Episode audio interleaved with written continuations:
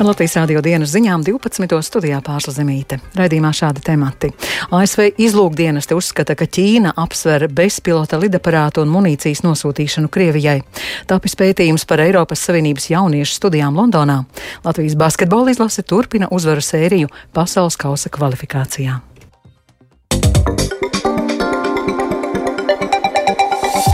Solidarizējoties ar Ukraiņu tautu, daudziet Latvijā arī šodien notiek dažādi atbalsta sarīkojumi. Tieši šobrīd Rīgā laukumā pie kongresa nama sākas labdarības koncerts Ukrainas brīvībai. Koncerta laikā ar labdarības organizācijas Ziedot LV starpniecību varēs ziedot projektam Gaismu Ukrainai. Saziedotos līdzekļus izmantos energoefektīvu ierīču iegādēji, kas nodrošinās Ukrainas iedzīvotājiem gaismas avotus. Arī aizvadītajā naktī Krievijā raķetēm apšaudījusi Ukrainas pilsētas. Ukraina atvairījusi aptuveni 70 ienaidnieku uzbrukumus Kupjānskas, Limanas, Bahmutas, Avdijevkas un Mineras virzienā. Savukārt Mariupolē Ukraiņu aizstāvi iznīcinājuši vēl vienu Krievijas munīcijas noliktavu. Par to šodien savā telegram kanālā ziņoja Mariupoles mēra padomnieks Petro Andļuščenko. Amerikas Savienoto Valstu izlūkdienestu rīcībā ir informācija, kas liecina par to, ka Ķīnas valdība apsver iespēju nodrošināt Krieviju ar bezpilota lidaparātiem un munīciju izmantošanai karā pret Ukrainu.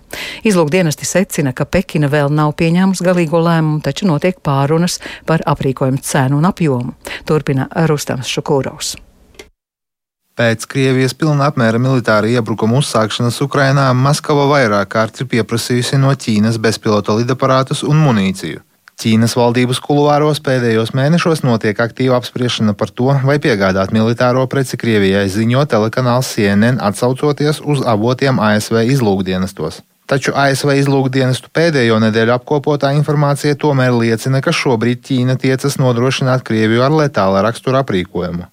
ASV amatpersonas sīkāk neapraksta, kādi tieši izlūkošanas dati liekas secināt par nesenajām Ķīnas nostājas izmaiņām, taču amatpersonas ir pietiekami nobežījušās, sakot, ka ASV sabiedrotajiem tika nosūtīta izlūkdienestu rīcībā esošā informācija. CNN avoti norāda, ka bezpilota lidaparātu un munīcijas nodrošināšana, kas visticamāk būtu paredzēta kājinieku ieročiem, nevis artilērijai, būtu ievērojams Ķīnas atbalsts Krievijai. Līdz šim Ķīna un tās uzņēmumi lielākoties aprobežojās ar neletāla rakstura aprīkojumu nodrošināšanu Krievijai. Tikmēr ASV valsts sekretārs Antonijs Blinkens piekdienas sarunā ar telekanālu ABC arī brīdinājis, ka Ķīna nopietni apsver letālās munīcijas piegādes iespējas Krievijas spēkiem kara plosītajā Ukrainā. With, uh, Mēs sniedzām informāciju mūsu sabiedrotajiem un partneriem. Mums vienmēr ir jāatrod pareizais līdzsvars starp informācijas iegūšanas veida aizsardzību un tās izplatīšanu. Taču mēs nolēmām skaidri norādīt, ka Ķīna to apsver, un tas, ko viņi dzird no mums un citām pasaules valstīm, ir nedariet to. Tikmēr ASV prezidents Džo Baidens vakardienas intervijā telekanālam ABC norādīja, ka gadījumā, ja Ķīna piegādās letāla rakstura aprīkojumu Krievijai, ASV būs spiesti uz to reaģēt. Tā būtu tā pati robeža, kuru būtu pārkāpuši visi citi. Citiem vārdiem sakot, mēs esam noteikuši bargas sankcijas ikvienam, kas to ir izdarījis, sacīja Baidens. Rustams Šukurovs, Latvijas rādio. Karš būs ilgs un iespējams nekad nebeigsies. Tā par Krievijas uzsāktās kara darbības Ukrainā iespējamo turpmāko attīstību domā Latvijas Nacionālās aizsardzības akadēmijas pētnieks, vēsturnieks Valdis Kusmins. Pēc viņa domām mums visiem rietumiem jāpiespiež Krievijas sabiedrībai pārtraukt karu. Tas ir tas, ko abas puses arī uzstāja, ka pretējā pusē ir noziedznieks. Un kā tad šis karš lai beidzās? Puses neatkāpsies no savas prasības tiesāt pretēju. Līdz ar to šis karš kaut kādā formā īstenībā var būt paudžu karš un ļoti ilgstošs. Bet, ja mēs skatāmies tīri no militārā viedokļa, manuprāt, ir redzams, ka Krievijai nav iespējams gūt lielus panākumus frontes līnijā. Un tāpat arī Ukraina pagaidām ir diezgan sarežģīta, un tas ir smagiem zaudējumiem balstīts. Un patreiz, ko redzēt, ko es arī gribētu pieminēt, ja, kas no Putina runas izriet, ka viņa mērķis ir pārciest Ukrainu, cerēt, ka Krievijas sabiedrība cietīs ilgāk, tāpēc ka objektīvi cieš mazāk, diemžēl un Ukraiņas sabiedrība ciešot vairāk, salūzīs vairāk. Tas ir Putina plāns, ko viņš apmēram ir iezīmējis. Līdz ar to, kā šo karu var panākt, mums, rietumu sabiedrība un mums, Latvijas, domāju, mūs arī individuāli sevi, mums ir jāliek Krievijas sabiedrībai, lai cik tas cīniski neizklausās. Šis ir Putina karš, bet piespiest karu pārtraukt var Krievijas sabiedrība. Kas mudina Eiropas Savienības jauniešus pārcelties uz Lielbritānijas galvaspilsētu Londonu, ar kādām cerībām viņi tur ierodas, paliek tur vai dodas tālāk.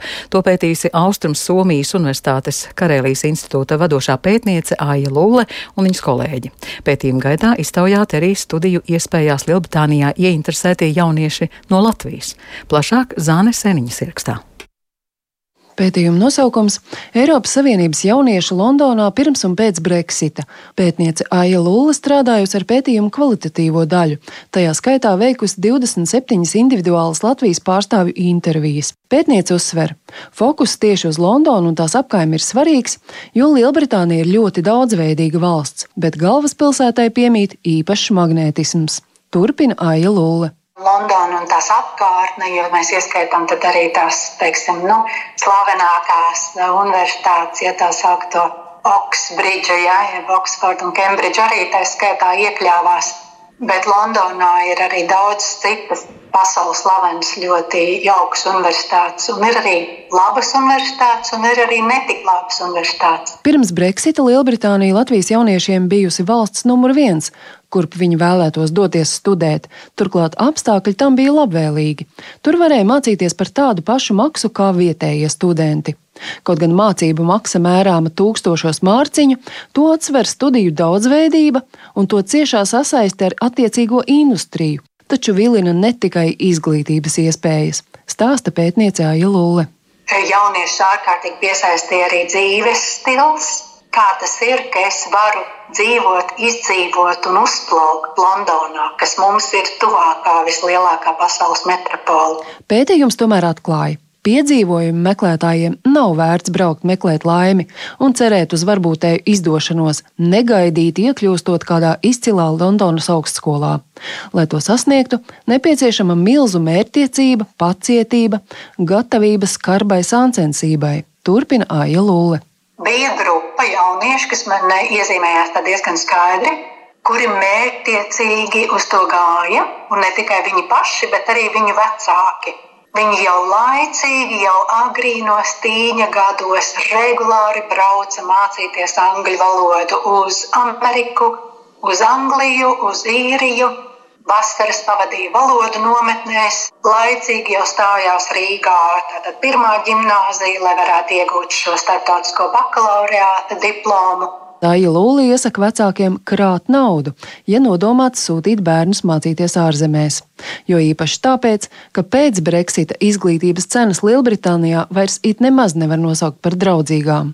Tomēr sasniegt sapni par studijām Londonā iespējams arī tad, ja neesi piedzimis ar sudraba karoti mutē. Turpina Aija Lūle. Ir latvieši jaunieši, kuri ir aizbraukuši uz Lielbritāniju, un vispirms viņi tur strādā.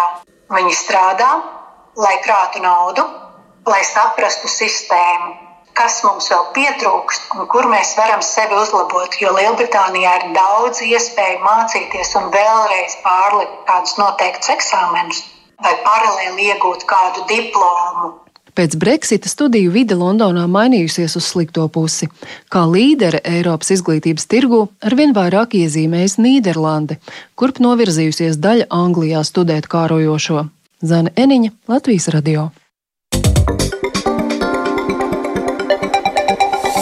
par sportu Latvijas basketbola izlase vakar izbraukumā Turcijā turpināja uzvaru sēriju pasaules kausa kvalifikācijā, bet šodien sporta līdzjutējiem plānā vairāki vietējie notikumi, kam līdzi sekot, un par visu plašāk jau tūlīt pastāstīs Mātiņš Kļavnieks, kurš mums pievienojas tiešēdē. Sveiks, Mātiņ!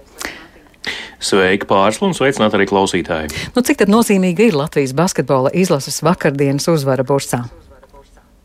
Jā, pavisam noteikti šī uzvara ir eh, ļoti nozīmīga ar to, ka Latvijas komanda ar to nodrošināja pirmo vietu kvalifikācijas apakšgrupā. Tas ir kas vēl nebijis.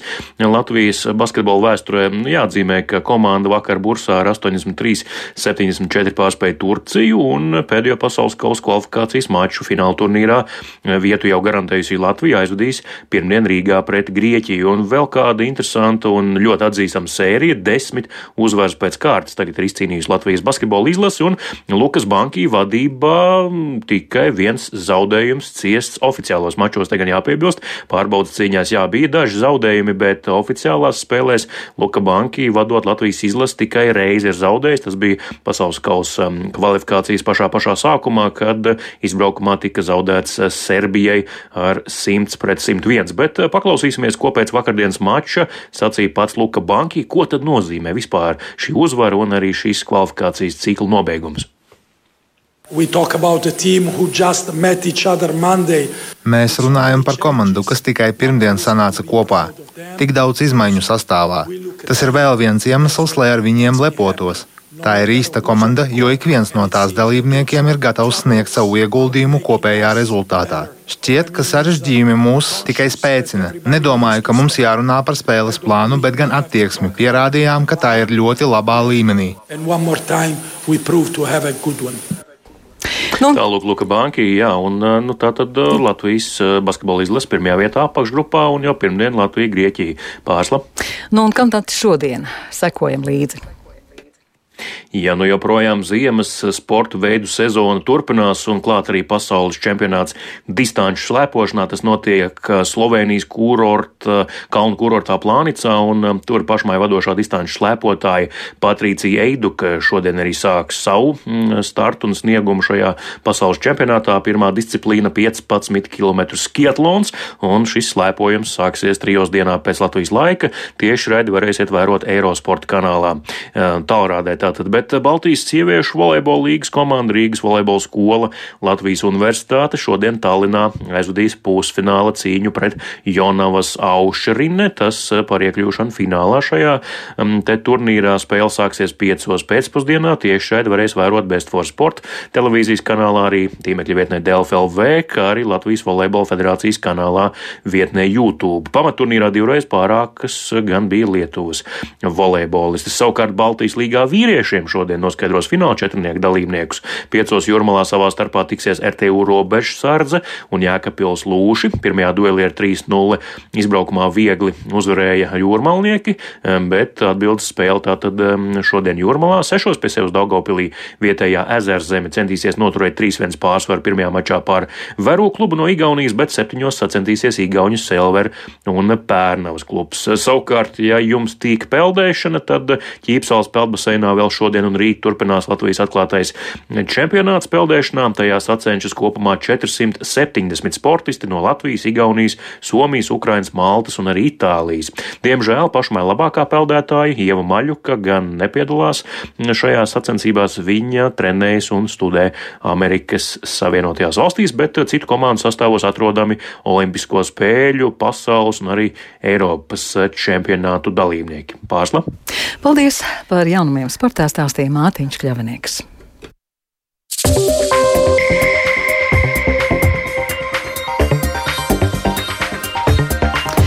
Un ar to izskan Latvijas rādio dienas ziņas. Producenta Vija Bremse, ieraksts montēja Kaspars Groskops par labskaņu rūpējās Rīta Karneča, ar jums runāja pārsta zemīte. Vēl īsi par svarīgāko.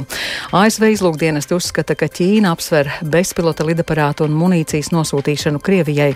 Tapis pētījums par Eiropas Savienības jauniešu studijām Londonā.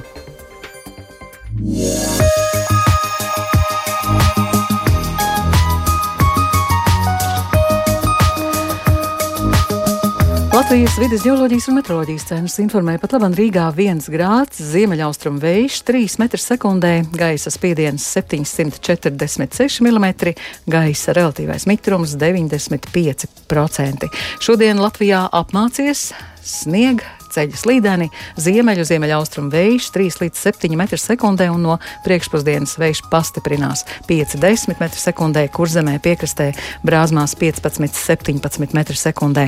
Gaisa temperatūra - mīnus 3 plus 1 grāds. Rīgā apmācies pa laikam sniega, ziemeļu ziemeļaustrumu vējš 3-7 un no priekšpusdienas vējš pastiprinās 5-10 brāzmas līdz 15 m2. Gaisa temperatūra Rīgā ap 0 grādiem. Laika tips otrais labvēlīgs.